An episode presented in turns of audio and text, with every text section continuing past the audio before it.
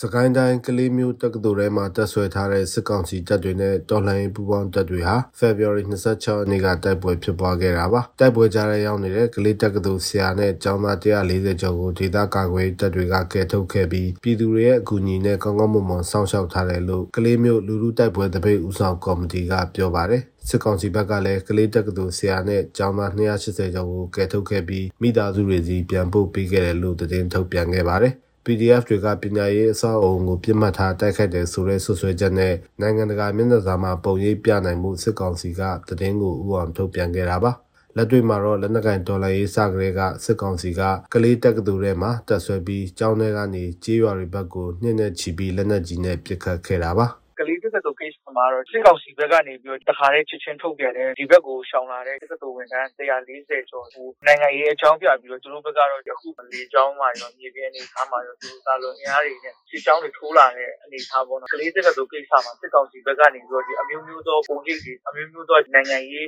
အကြောင်းပြချက်မျိုးမျိုးပြပြီးတော့စစ်ရဇဝမှုတွေကျူးလွန်လာနိုင်တယ်ပေါ့နော်ဘာမဆိုလောက်လာနိုင်တဲ့အခြေအနေအကြောင်းကိုကျွန်တော်တို့ကလေးဒေသအပြင်ပမှာရှိတဲ့မီဒီယာဒီဒီအလုံးနေတယ်ကျွန်တော်တို့ကလေးဒေသကြီးကိုစောင့်ကြည့်ပေးကြပါလက်ရှိဖြစ်ပေါ်နေတဲ့ကလေးလွန်ပြင်ပြင်ချင်းကြီးပေါ်ကိုအထူးအာရုံစိုက်ပေးဖို့အတွက်ပြောချင်ပါတယ်ဗျဟုတ်ကဲ့ကလေးမျိုးနယ်မှာအချိန်နှစ်ပတ်နီးပါးတိုက်ပွဲတွေဇက်တိုက်ဖြစ်ပွားခဲ့ပြီးဒေသတွေမှာအချိန်နဲ့တပြေးညီတည်င်းစီစဉ်မှုမရှိတာကြောင့်စစ်ဆောင်ပြည်သူတွေဟာဥတီရမဲ့အခြေအနေနဲ့ကြုံတွေ့နေရပါတယ်။စီးတဲ့င်းချက်လက်ပေါက်ကြားမှာဆိုရင်လည်းအတွက် NUG ဘက်ကသတင်းထုတ်ပြန်ရမှာနှောင့်နှေးမှုတွေရှိနေတာဖြစ်ပြီးဒီအခြေအနေဟာတစ်ဖက်မှာတော့စိုးကျိုးတွေလည်းရှိနေကြတာဖြစ်ပါတယ်။ မြို့သားညီညွတ်ရေးဆိုရထုတ်ပြန်ထားပေမဲ့ဒီပြင်မှာလည်း information gap တဲ့အခြေအနေမျိုးမှာဒီတချို့ကိစ္စတွေမှာကျွန်တော်လုံခြုံရေးချိုးပေါက်တာတွေတချို့ကိစ္စတွေမှာကျွန်တော်မလိုလားတဲ့ပြဿနာတွေတချို့ကိစ္စတွေမှာဒေတာခံပြည်သူလူထုလက်မခံနိုင်တဲ့ခွင့်လွှတ်လို့မရတဲ့ပြဿနာတွေပေါ်ပေါက်လာမှာဆိုတော့အဲ့ဒါတော့ NUG ရဲ့ရန်တရားချင်းချင်းကြားတဲ့ပွင့်လင်းမြင်သာမှုပေါ်မူတည်နေလို့ကျွန်တော်အနေနဲ့မြင်နေကြဟုတ်ကဲ့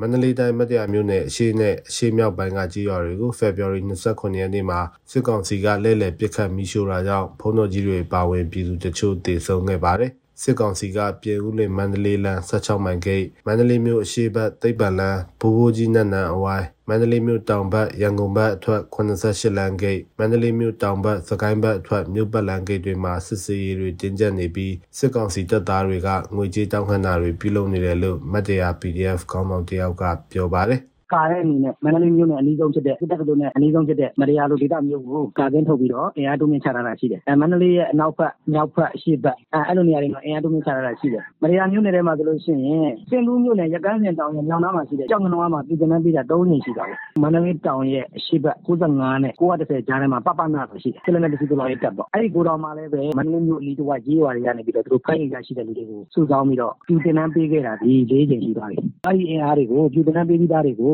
မန္တလေးမြို့ကိုကာဖို့အတွက်ပတ်သက်လည်မှာစခွေးတွေနဲ့ရောထွေးပြီးတော့သူတို့နေရာချထားလေးရှိတယ်။မန္တလေးမြို့ကိုကာဖို့အတွက်ဒီမရယာလိုဒေသမျိုးအဝေးကာကင်းပေါ့။ပြီးရင်ပတိန်ကြီးလိုဒေသမျိုးမှာဒုတိယကာကင်းပေါ့။ဇန်နဝါရီဒုတိယအပတ်မှာစစ်တပ်ကတူအများစုတည်ရှိရာပြည်ဦးမြမြို့နီးထိ PDF တွေကထိုးစစ်ဆင်တိုက်ခိုက်ခဲ့တာကြောင့်စစ်ကောင်စီကအစင်းစင်းအင်အားတိုးမြင့်ချထားတာတွေပြုလုပ်နေတာပါ။ မြောက်ပိုင်းမှာမိတ်သုံးဘွဲရဲ့တစ်တုံညာနှစ်ခွန်စစ်စင်ရေးနဲ့အတူစကိုင်းတိုင်းအထက်ပိုင်းမြို့လေးမြို့ကိုတော်လိုင်းအရာစုတွေကတည်ယူခဲ့ပြီးနောက်စကိုင်းကချင်နယ်စပ်မြို့နယ်တွေနဲ့စကိုင်းချင်းနယ်စပ်မြို့နယ်တွေမှာတိုက်ပွဲတွေဇက်တိုက်ဖြစ်ပွားခဲ့ပြီးတိန်းနဲ့ချီတဲ့ပြည်သူတွေဟာစစ်ပေးတင်နေကြတာဖြစ်ပါတယ်